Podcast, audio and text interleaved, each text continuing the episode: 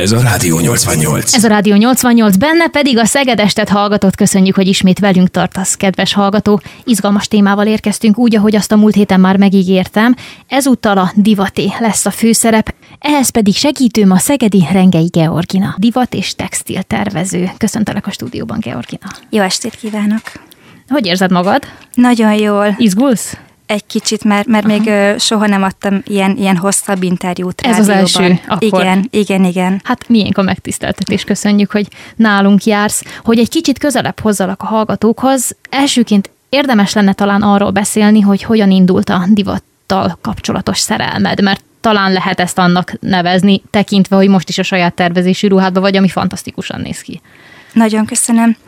Én kicsi gyerekként tánciskolába jártam, a szüleim mindig vittek engem különböző tánciskolákba, illetve jégtáncoltam, ahova a fellépő ruháinkat anyukámmal közösen terveztük meg, és tulajdonképpen itt indult el annak a folyamata, hogy én ruhákat tervezek. De akkor még nem gondoltam, hogy, hogy ez később egy hivatásom lesz tulajdonképpen 22 évesen döntöttem el, hogy, hogy nagymamámat megkérem, hogy tanítsa meg engem varni. Mert hogy akarok egy új hobbit magamnak, és hogy mivel ő varta korábban a fellépő ruháinkat a testvéreimmel, ezért mindenképpen tőle akartam megtanulni az alapokat. Úgyhogy akkor annyira, annyira megtetszett az új hobbim, hogy, hogy eldöntöttem, hogy a tanulmányaimtól teljesen eltérően én irányt akarok váltani, és divattervező mesterképzésre jelentkezek az egyetemre. De mi volt az alaptanulmányaid? Alapképzésre én andragógia szakra jártam a Szegedi Tudományegyetemre. És akkor innen És, vetted és a onnan, kanyart. onnan vettem egy hatalmas kanyart, és, és tulajdonképpen egy teljesen új művészeti irányba csöppentem bele a divat és textil tervező képzésbe.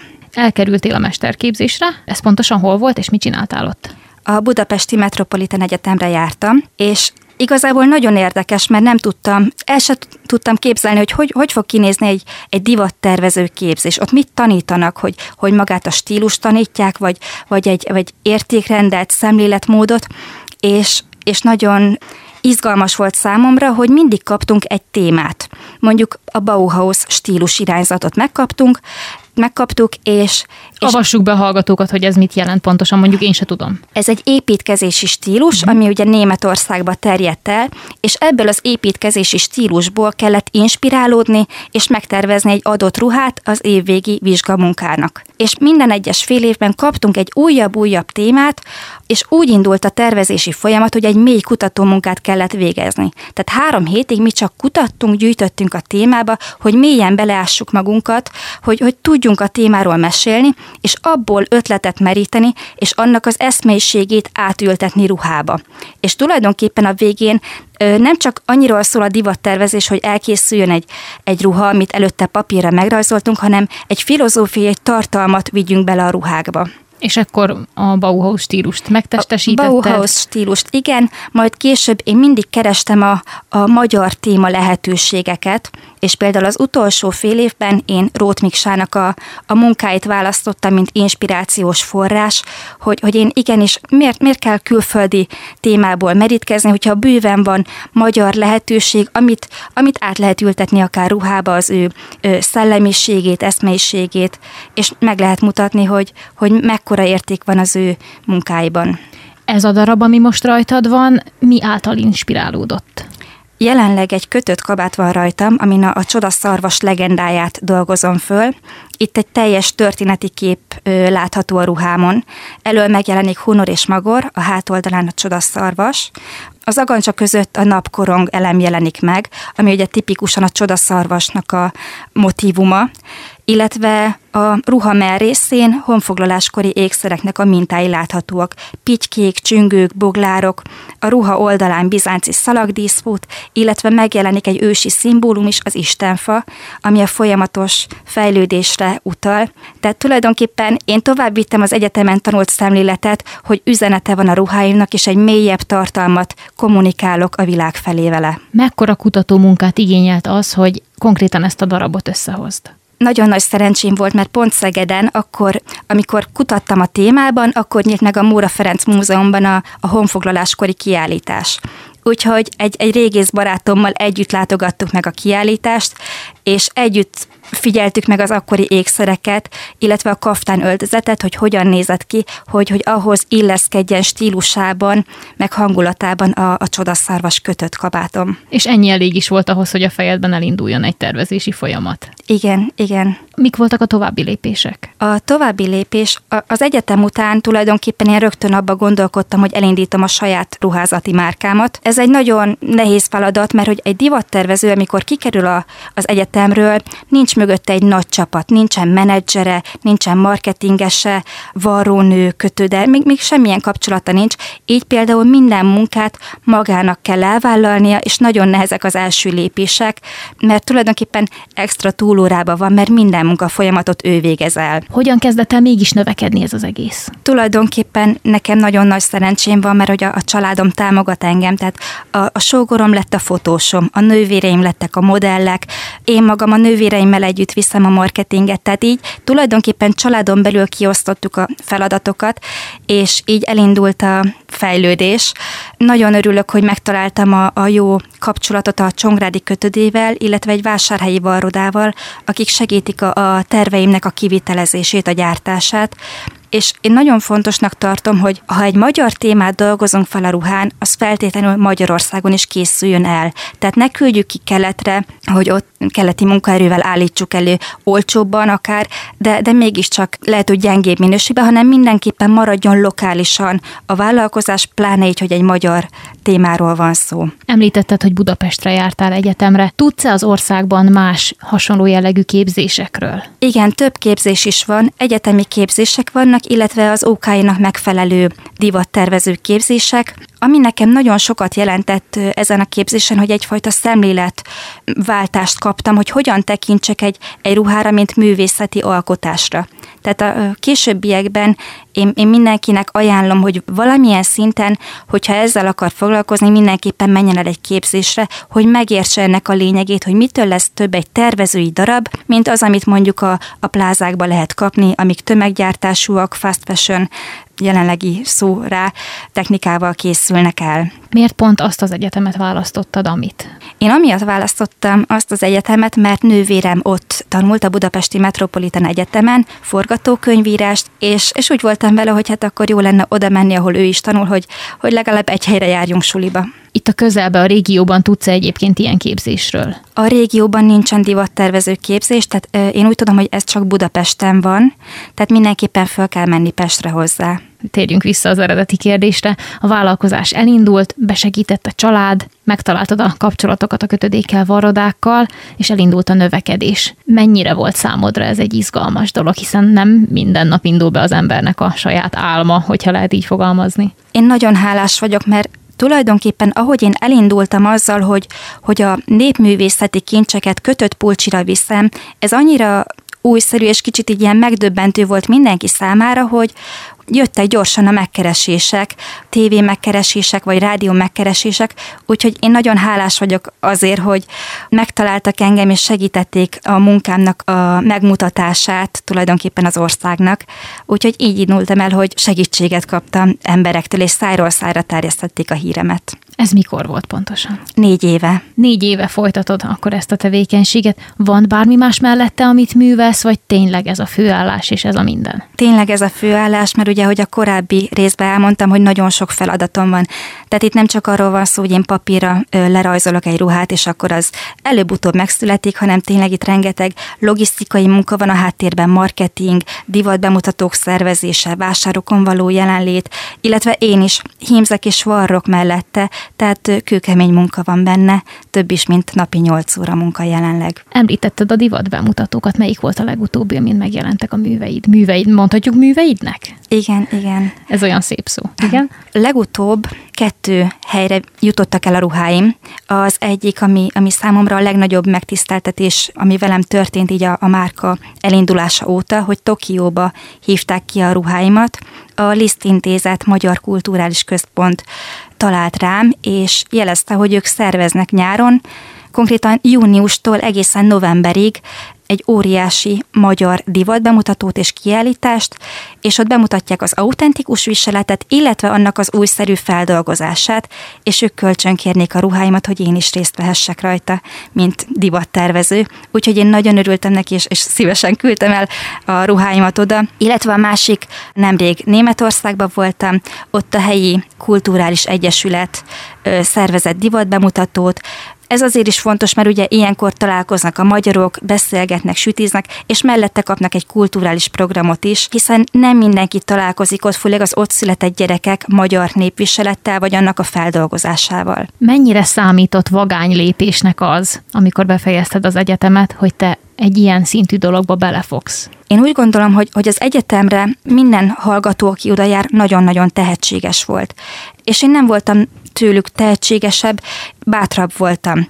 Tehát mások is elindulhattak volna, de jelenleg az évfolyamomból egyedül én tudtam úgy elindulni, hogy saját márkát kiépíteni, és azt munkajelleggel tovább is vinni. Úgyhogy szerintem nagy lépés volt így igazából. Sajnos nem tartom a, a csoporttársaimmal a kapcsolatot, de látom, hogy, hogy interneten követik a munkásságomat, és, és elismerően tekintenek arra, amit csinálok. Az elmúlt négy év tapasztalatával a zsebedben belevágnál-e most is, hogyha ugyanott lennél, de már ilyen érettebb fejjel? Mindenképpen, mert én ezzel az álmaimat valósítottam meg. Tehát nekem nagyon fontos, hogy azt csináljam, amit tényleg szeretek és élvezek. A másik meg, hogy sokan értékesnek tartják, amit én készítek, hogy, hogy a magyar népművészetet feldolgozom, és tulajdonképpen a, a fiatalok számára egy mostani trendi formában megmutatom, és tényleg beemelem a hétköznapi divatos viseletbe.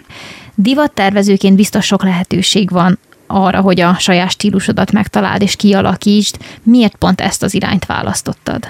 Nekem nagyon, nagyon megható az, hogy a régi nép- és iparművészek nagyon igényes munkát tettek le az asztalra. Tehát, hogy a saját környezetüket tették szebbé azáltal, hogy a különböző használati tárgyakat, bútorokat, eszközöket, ruházatokat díszítették. És ezek nem kiállításra szánt darabok lettek, hanem tényleg a maguk boldogságát szolgálták, és engem ez annyira megfogott, hogy mindenképpen úgy gondoltam, hogy én a, a jövőben, mint divattervező, ebből szeretnék ötletet meríteni, és újszerűen feldolgozni a magyar népművészetet. Illetve én azt vettem észre, hogy ha magyar népművészetről van szó, legfőképpen a hímzés területén, általában csak a matyó és a kalocsai hímzéseket ismerjük. És hogy annyi tájegység van egy baromi nagy kincses ládánk van, ami, amiből bőven lehetne inspirálódni és megmutatni másoknak, hogy, hogy mennyire gazdag a mi kultúránk, úgyhogy egyfajta újragondolását mindenképpen hasznosnak gondoltam, hogy, hogy ismerté tegyük azokat akár a bútorfaragásokat, bútorfestéseket, vagy bármilyen mintázatokat, amik a magyar népművészet részei. Amikor kiállításra készülsz, vagy esetleg megkeresnek egy ilyen lehetőséggel, akkor a kiállítást, a szándarabokat máshogy készíted el, mint azokat, amiket egyébként hétköznap is lehet hordani? Nem, nincsenek kiállításra szánt darabjaim, tehát mindet abszolút praktikusan, viselhetően tervezek meg és készítettem el, mert úgy gondolom, hogy, hogy a népművészetnek, meg annak a feldolgozásának nem a vitrínbe kell állnia, hanem a hétköznapunk részévé kell tenni, hordhatóvá, praktikussá kell tenni, hogy, hogy igenis tegye szebbé a hétköznapunkat. Mi jelenti a legtöbbet számodra a munkádban? Én nagyon szeretem a munkámnak a sokrétűségét, uh-huh.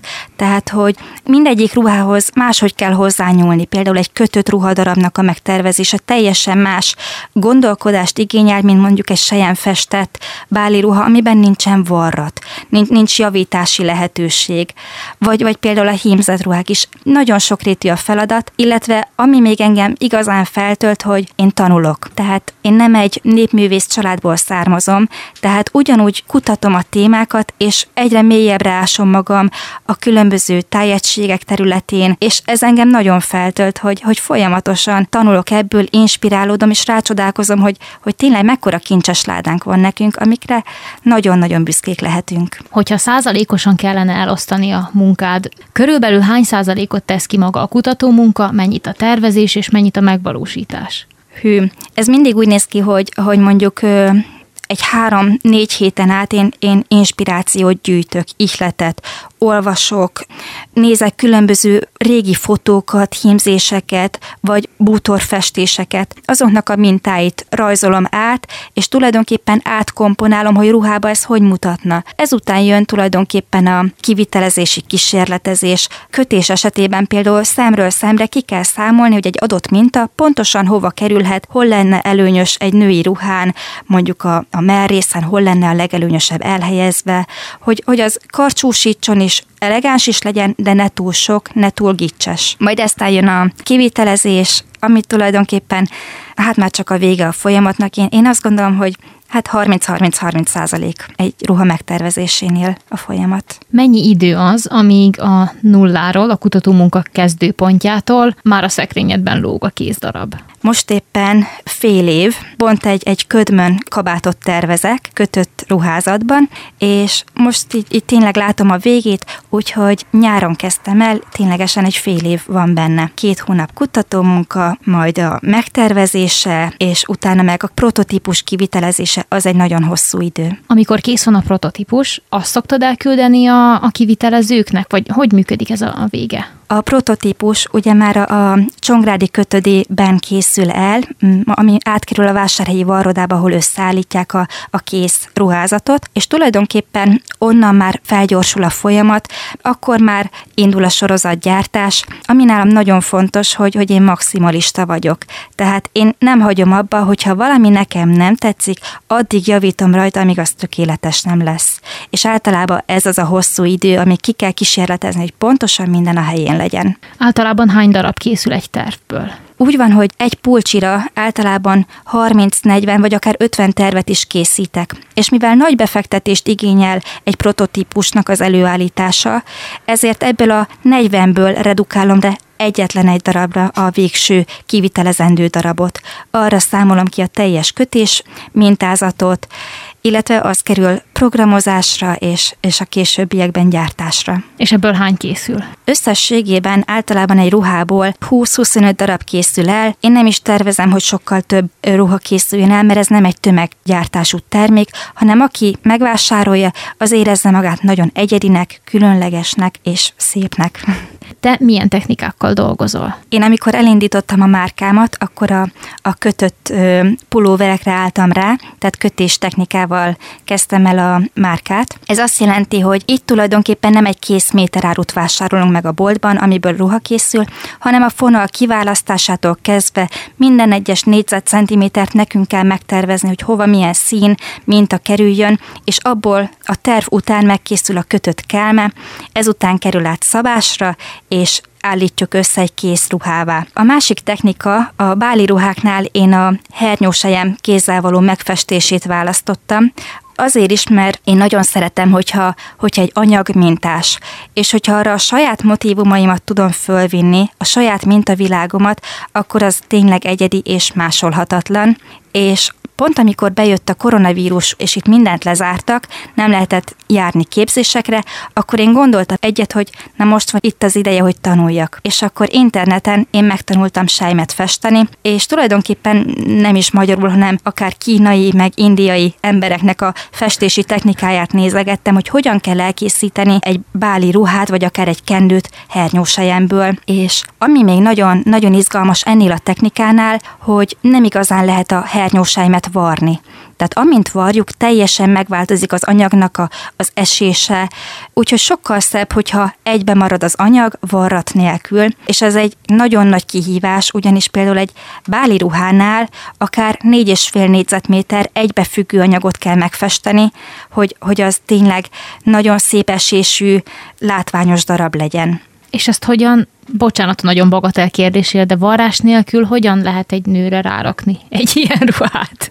Varrás nélkül nálam általában hatalmas báli ruha szoknyák készülnek el, mint egy felső palás réteg, uh-huh. egy hatalmas félkör, ami tényleg megvan négy és fél négyzetméter, és csak a tetejére egy övet varrok, és azon van varrat, hogy, hogy össze tudjuk kapcsolni a derékon. Akkor volt egyszer a kötött technika? A kötött technika, a hernyósajem megfestése, illetve a harmadik technika, amivel én dolgozom a márkámon belül, az a hímzett ruházat. Itt tulajdonképpen, hogyha divattá akarjuk tenni a magyar magyar népművészetet, és, és azokat a népművészeti mintákat mi ruhára hímezve akarjuk rátenni, akkor sajnos le kell mondanunk a kézi hímzésről, mert annak az ára megfizethetetlen. Úgyhogy a hímzett ruháim azok gépi hímzéssel készülnek el, viszont itt sokkal gazdagabban tudom rájuk vinni a, a hímzéseket, akár, akár teljesen ki tudom hímezni a ruháknak az ujját, szoknyáját, és egy nagyon látványos darab készül el. Akkor ezzel a három technikával dolgozol, te, ha jól sejtem. Így van, így van, és így végül is teljes a repertoár, tehát nyárra meg tavaszra vannak a hímzett ruhák, télre és őszre a kötött pulóverek, illetve nagyobb alkalmakra pedig a báli ruhák. Melyik a kedvenc technikád ezek közül? Mindegyik. A- amikor, amikor úgy érzem, hogy már kicsit zsong a fejem, akkor nagyon jó váltani egyik technikáról át a másikra, mert, mert teljesen máshogy kell hozzáállni. Például a sejemfestés engem abszolút kikapcsol. Olyankor zenét hallgatok, vagy hangos könyveket hallgatok, és úgy festem meg az anyagot. Még, még például a kötésnél nagyon-nagyon kell koncentrálni, és igazán szemzsibbasztó folyamat, amíg megtervezem ott a mintázást. Milyen festéket használsz akkor, amikor a hernyósejmet fested? A hernyósejmet, illetve a hernyósejem festéket Kínából rendelem meg, és onnan érkezik meg hozzám. Viszont a többi terméknél nagyon ügyelek arra, hogy ne csak a minta legyen magyar, hanem hogyha tudom, akkor, akkor Európán belül szerezzem be az alapanyagot hozzá, tehát Európából, Németországból rendelem a fonalat, illetve onnan érkezik meg a, a hímzett ruhákhoz a textil alapanyag nyára, tavaszra a hímzés dukál, legalábbis a hímzett darabok, aztán őszre, térre pedig nyilván a kötöttebbek. Mitől függ az, hogy mikor éppen milyen munka folyamatba fogsz bele, vagy milyen ruha fog készülni? Nagyon érdekes, mert általában télen kell foglalkozni a nyári ruhákkal. Tehát akkor kell a nyári ruhákat megtervezni, illetve a gyártás akkor indul el, hogy az áprilisra, májusra már készen legyen, és kínálható legyen, illetve a, a vastag pulcsikat pedig na, nagyon kellemetlen nyáron belegondolni, de nyáron kell megtervezni az őszi-téli viseletet. Mennyire méret specifikusak a ruhák? A méretezés nálam úgy van, hogy SS-től XL-ig tart. Ö, sokan jelezték, hogy jobb lenne nagyobb méret is, de ugye még pici a vállalkozásom, tehát nekem is egyre tehát kis lépésekbe haladok, de ahogy haladok jobban, úgy tudom bővíteni a repertoárt, hogy plusz méretek is legyenek már nálam. Miért tartott fontosnak, Georgina, azt, hogy a népviselet belekerüljön a mai trendekbe? Mert azt gondolom, hogy a tervezett ruhák alapján ezt nyugodtan elmondhatjuk, hogy számodra ez fontos. Nagyon fontosnak tartom, hogy, hogy eltérőek legyünk a, a szomszédos országok öltözködésétől. Ahogy gasztronómiában is megvan a, a magunk jellegzetessége, úgy miért ne lehetne újra divatba hozni, hogy különbözőek legyünk öltözködésben is. Tehát merjünk bátran magyar mintavilágot magunkon hordani, akár autentikusan, akár egy felfrissített, újszerű, trendekbe illő darabként, de mindenképpen megmutassuk, hogy mi, mi mások vagyunk, nekünk ilyen értékünk van, és hogyha például egy turista ide érkezik, lássa a látványos különbséget, hogy ó, ez más, mint Szlovákia, ez más, mint Párizs, ó, ez magyar. Magukról a mintákról ugye még nem, bár, bár már említettük, de nem mentünk jobban bele. Így van.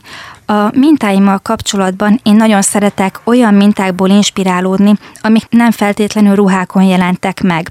Így például pásztorfafaragás mintákból indultam ki a legelső kollekciómnál, és így tulajdonképpen pásztor fafaragó művészeknek a munkáit nézegettem meg a témában, és ültettem át kötött ruhába csikósokat, juhászokat, betyárokat, azoknak a jellegzetes hozzátartozóit, tehát fokos, csizma, kulacs, kalap, és ezek a minták kerültek rá a kötött viseletre. Illetve nagyon fontosnak tartom még, hogy bőségesen nagy a tárházunk, tehát akár bútoroknak a díszítése inspirálhat bennünket, vagy nyugodtan hozzányúlhatunk az autentikus viselethez is, és ott a régi vászonhímzéseket felújíthatjuk, és vihetjük tovább.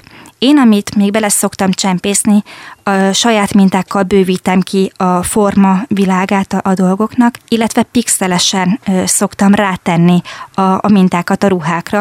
Ezzel is egyfajta újszerűséget próbálok belevinni, hogy összekössem a múltat a jelennel. Mit jelent, hogy pixelesen teszed rá? Azt jelenti, messziről nézve, mint hogyha keresztemes hímzéseket látnánk, tehát szögletes vonalak vannak, nem, nem íves formák, és ezzel egyfajta frissességet próbálok megmutatni. Milyen eszközeid vannak még arra, hogy a modern elemeket ötvözd a népi hagyományos elemekkel? Hát erre a legkézenfekvőbb, hogy, hogy a kötött pulcsikon még korábban nem jelent meg népművészeti minta, és nekem a fő irányom, amivel elindítottam a márkámat, az a kötött viselet volt, és a másik meg, hogy nagyon fontosnak tartom, hogy merjünk nyugodtan gépekkel dolgozni, tehát hímzőgéppel, amivel gyorsítani tudjuk a folyamatot, nem úgy, mint a kézi hímzésnél, hogy több hónapot kell várni, hogy mondjuk egy ruha újja elkészüljön.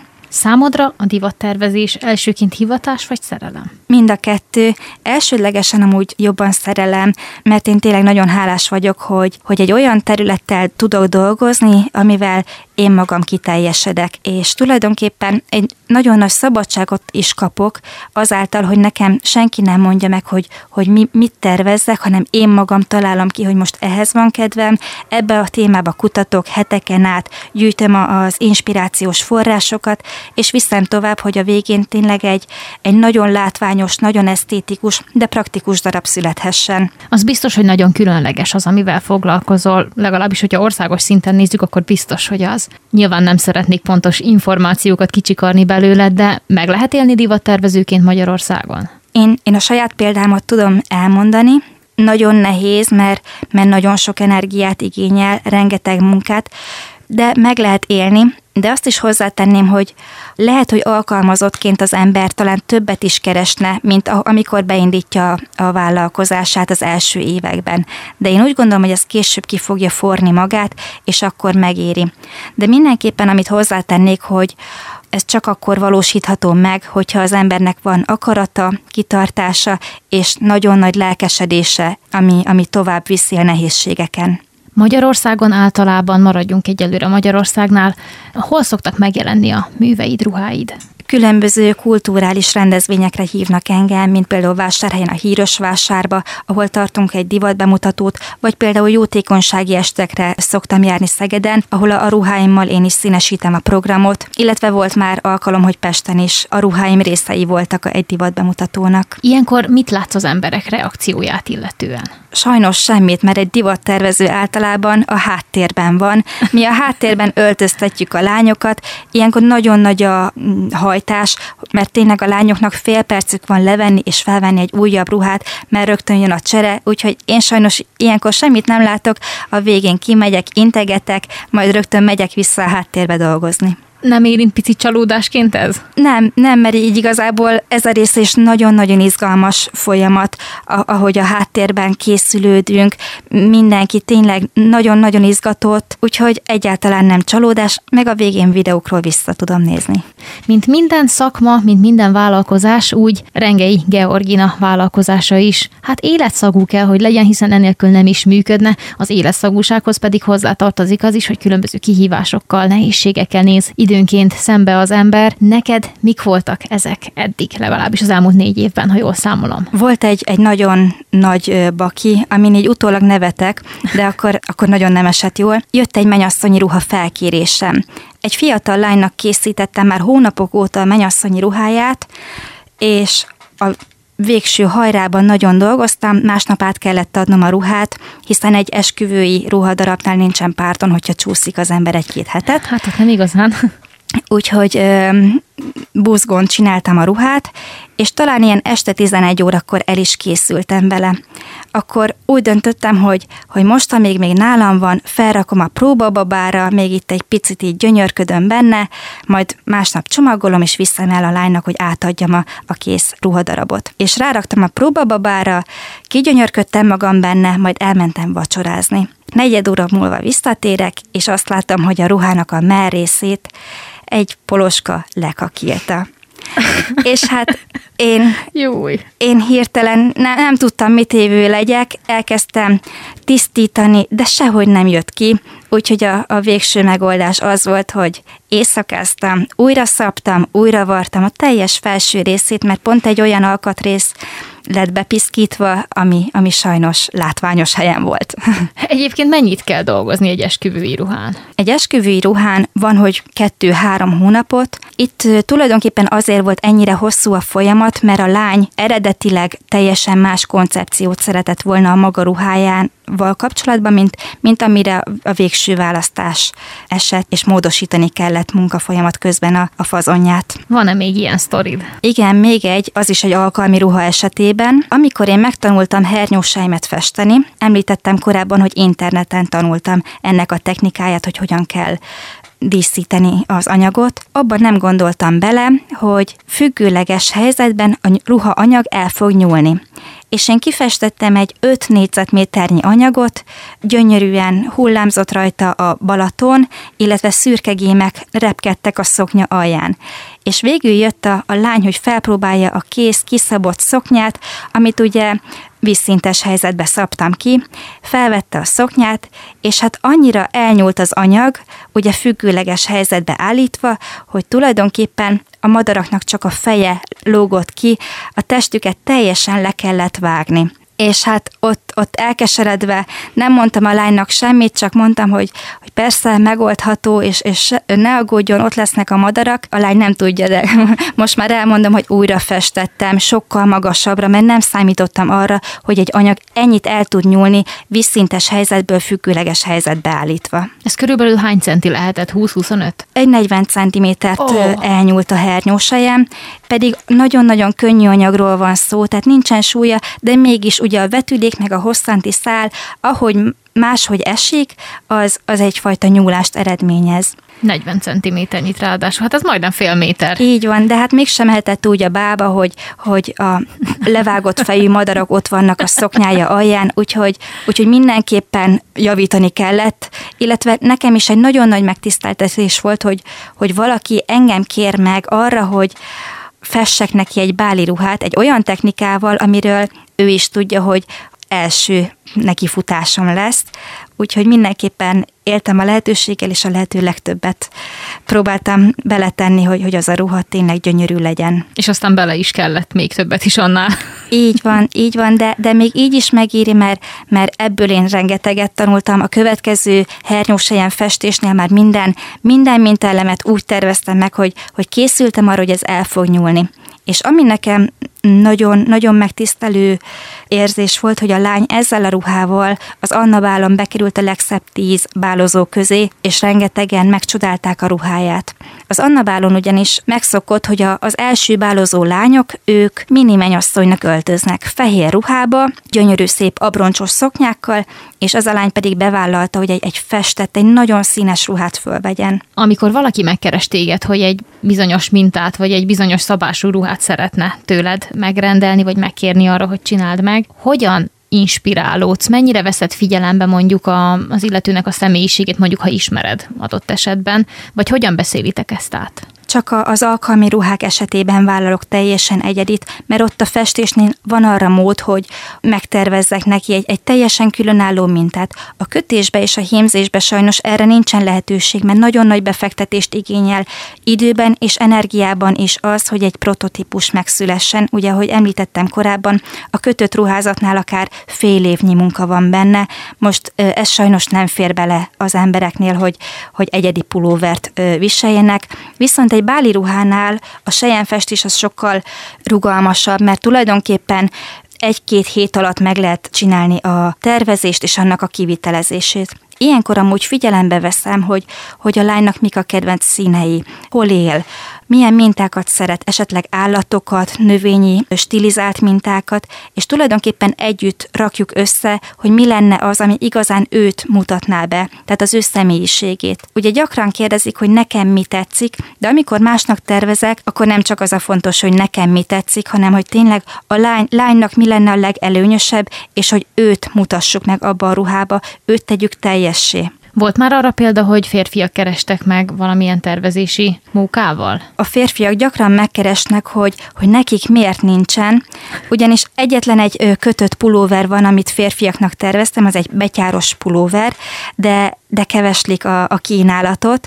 Mindig mondják, hogy többet kéne, miért csak nőknek, mert ők is akarnak különlegesebben öltözködni, úgyhogy ez egy nagy feladat lesz a jövőben, hogy, hogy bővítsem a férfi ruházati repertoárt. Akkor nekik nem kell báli ruhát festeni ezek szerint. Nem.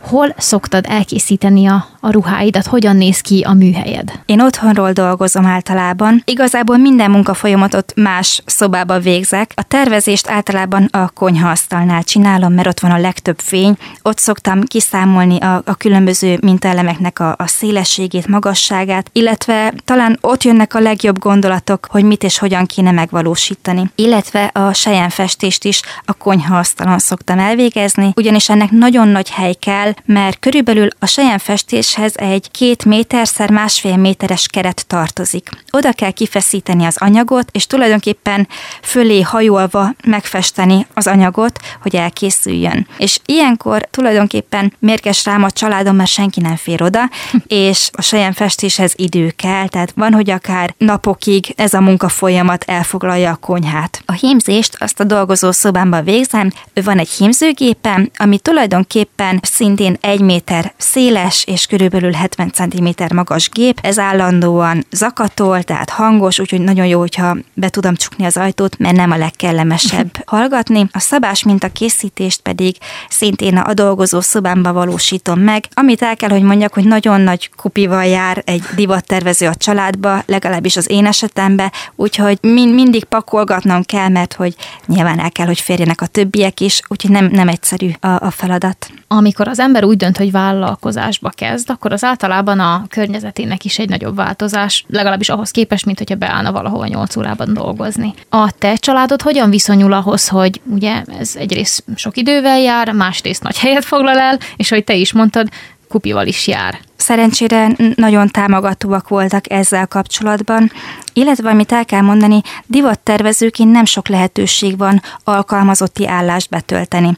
Szerintem talán Magyarországon csak Budapesten lehet alkalmazottként dolgozni, viszont én, én mindenképpen Szegedre akartam visszajönni, mert én itt vagyok boldog, meg itt van a családom. A vállalkozás nagyon nehéz folyamat, tehát tényleg, amit említettem, hogy kicsi lépésekbe lehet haladni, nagyon sok idővel és energiával jár, és ki kell járni azokat az utakat is, amik nem biztos, hogy, hogy jól sülnek el, és erő kell hozzá, hogy tovább lendüljünk. Nagyon, nagyon hálás vagyok, mert nekem a családom ebben nagyon támogató volt, és tulajdonképpen ők mindig bátorítottak azzal, hogy jó lesz ez, és hogy, hogy csináljam tovább. Nem tudom, hogy milyen információid vannak arról, hogy ha valaki elvégez egy divattervezői vagy textiltervezői egyetemet vagy képzést, neki egyébként szakmán belül milyen más lehetőségei vannak azon kívül, hogy ő most saját márkát alapít elmehet alkalmazottként, viszont ott csak egy részfeladatot kap. Például akár a kutató munka részét, vagy akár egy-egy alkatrésznek a megtervezését, grafikában vagy számítógépben megmodellezni a ruhafazonját. Ezek ugye mind különböző területek, de, de komplexen nem kap meg egy ruhát, hogy, hogy tervezze meg ától zéig. Talán könnyebb, hogyha nem kell mindenfelé gondolkozni, de én úgy gondolom, hogy sokkal teljesebb az, és, és azért tanultunk divattervezői képzés, hogy egy teljes ruhát megtervezzünk és megálmodjunk. Jelmeztervezőként is el lehet menni cirkuszba, a színházba, ami ugye kifejezetten a látványruhákról szól. Tehát nem a praktikumról, hanem azokról a viseletekről, amik, amik csillognak, és, és tényleg lenyűgözően látványosak a tévében, vagy, vagy éppen a színpadon. Én úgy tudom, hogy vannak osztálytársaim, akik ilyen irányba mentek el, például pont egy ismerősöm a cirkuszban tervezi a művészeknek a ruháit. Milyen rokon szakmái vagy részterületei vannak még a divattervezésnek? A kivitelezés a részterülete tulajdonképpen. Itt ugye, hogy vannak különböző technikák, akár az anyag elkészítése, a fonalgyártás, a textilgyártás, majd utána annak a feldolgozása, tehát textil kelmekészítése, illetve a varrodai folyamatok. Illetve most már nagyon népszerűvé vált, hogy számítógépen tervezik meg a szabás mintákat, ott modellezik meg a különböző konfekciókat, hogy XS-estől XXXL-ig meglegyen a teljes ruha, azoknak a pontos aránya. És tulajdonképpen mindegyik más kompetenciákat igényel, nem feltétlenül tervezői feladatok, tehát a tervező általában magát a látványt, a végső folyamatot tervezi meg, hogy az hogy álljon elő. Nem vagyunk annyira jártasak abban, hogy hogy készül a fonal. Ezeknek mind utána kell járni, de ezt nem tanuljuk sajnos a különböző képzéseken. Mi a különbség a divat tervező és a textil tervező között? A textiltervezők, ők tulajdonképpen a textilnek a grafikáját gondolják ki. De nem csak grafikát, tehát hogy ráfestést vagy, vagy hímzést, hanem az anyag manipulációkkal foglalkoznak, hajtásokkal, gyűrésekkel, ráégetésekkel, hogy hogyan, hogyan lehet a struktúráját megváltoztatni egy textilnek, hogy az, az izgalmas legyen, és, és teljesen eltérő a megszokott sima felületektől. A divattervező pedig grafikával is foglalkozhat, tehát nincsen kizárva a grafikai munka, de nála sokkal inkább nagyobb hangsúlyt fektet a fazon kialakítására, illetve hogy a végén egy ruha készüljön elő. A textiltervezőknél pedig ott vannak a bútor textília tervezések, függöny tervezések, tehát nem feltétlenül ruházati cikk kerül a végső feldolgozásra. Egy pillanatra visszautaznék most az időbe az egyetemi éveidre. Van-e olyan legkedvesebb pillanatod, amit szívesen osztanál meg velünk? Nekem nagyon nehéz volt az egyetemi mesterképzés divattervező szakon.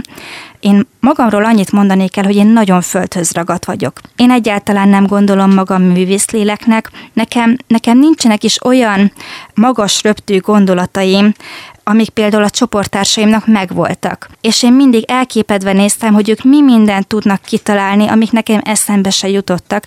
Úgyhogy nekem maga a divattervező képzés egy nagyon görcsös év, évek voltak, görcsös évek voltak, pont azért, mert teljesen a határaimon kívül kellett tervezni. Amikor elmondták, hogy feladatként egy hordhatatlan objektruhát kell tervezni. Ez mit jelent? Az objektruha azt jelenti, hogy egy szoborszerű ruha. Amiket látunk a kifutókon, Amiket látunk a, így van, így van. Tehát abszolút nem fontos a praktikum. És hogy egy ilyet tervezzek, megadták a témát hozzá, hogy a Bauhaus stílus inspiráljon engem. Hát én dobtam egy hátast, hogy, hogy eleve nem szeretem a Bauhaus stílust, és nem látom értelmét, hogy miért kell nekem egy olyan ruhát megtervezni, amiben nem lehet leülni, nem lehet semmit se csinálni és aztán rájöttem, hogy tulajdonképpen a határaimat kell feszegetni, mert azzal, hogy ha egy ruha nem kell betöltenie azt a szerepét, hogy praktikus legyen, sokkal nagyobb teret kap a tervező, hogy tervezzen, ugyanis ez a gát, hogy ennek hortatónak kell lennie, megszűnik. Tehát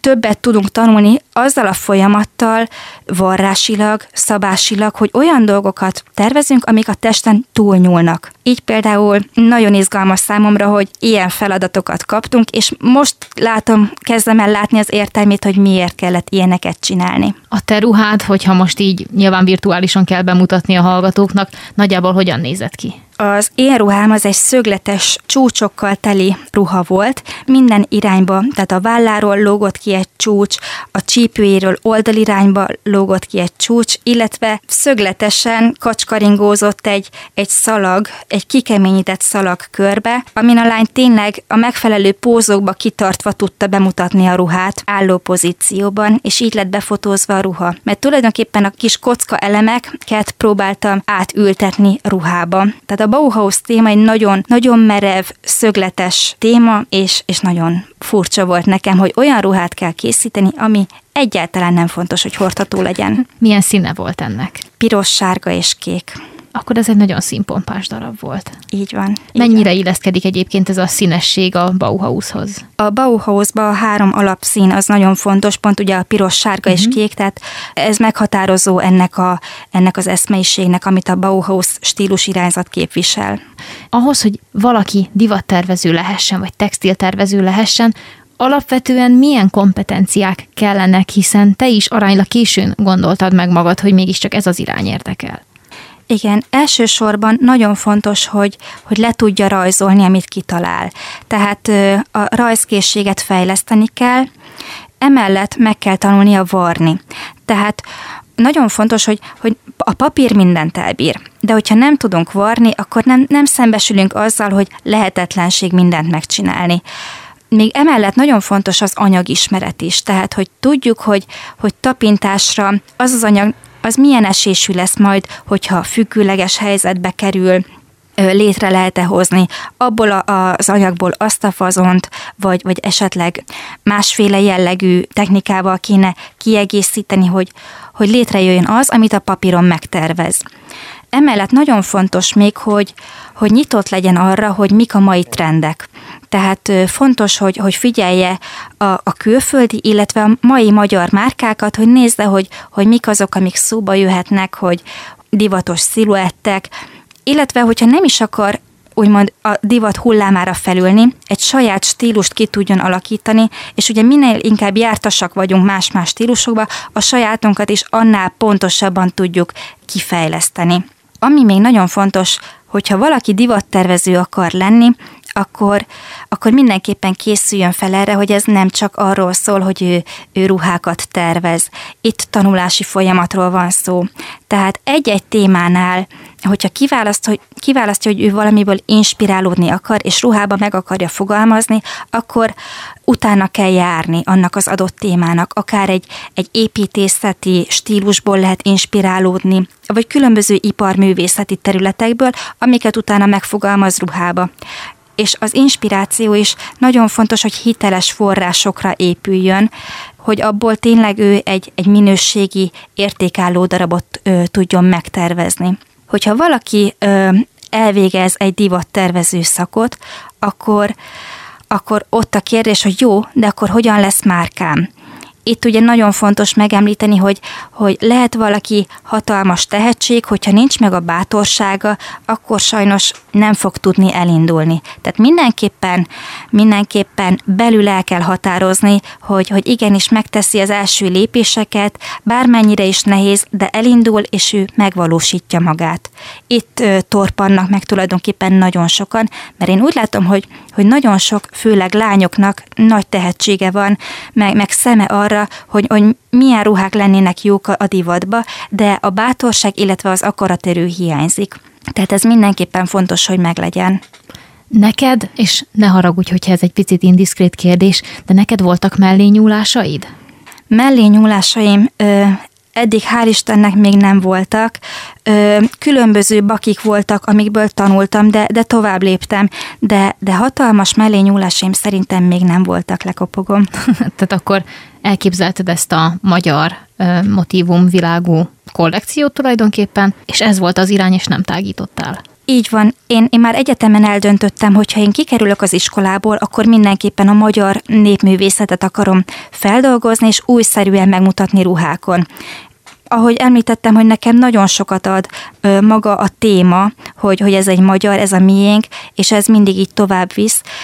És amire én törekszem, hogy, hogy én erre kincsként tekintek, és a kincseket méltó módon kell feldolgozni. Minőségi alapanyagra, komoly utánajárással, tervezéssel, tehát ez nem egy egynapos feladat, hogy én odafirkantok valamit a papírra, és másnap már indul a kivitelezés, hanem ennél sokkal, sokkal komolyabb utánajárás, tanulási folyamat van benne. Tudsz-e riválisokról a pályádon, konkrétan olyanokról, akik a magyar motivumokkal foglalkoznak? Igen, szerencsére most, most van ennek egyfajta hulláma, hogy egyre többen próbáljuk divatba emelni a magyar népi értékeinket. Én nem, nem versenytársként tekintek rájuk, hanem, hanem partnerként, hiszen közösen teszünk valami jót. Viszont mindannyian más jelleggel, más technikával, amire én, én törekszem, hogy tényleg minőségi alapanyag legyen, tehát ne nylon anyagra nyomtassuk rá a, a matyó mintát, mert hogy az, az nem, nem méltó módja a továbbadásnak, az érték fenntartásának, hanem tényleg az legyen pamutanyagra, lenanyagra, vagy nemes anyagra, mint például a hernyósaján rádolgozva, mert mégiscsak a, a még kincsünkről van szó. Mit üzennél azoknak, akik ezen az úton szeretnének elindulni?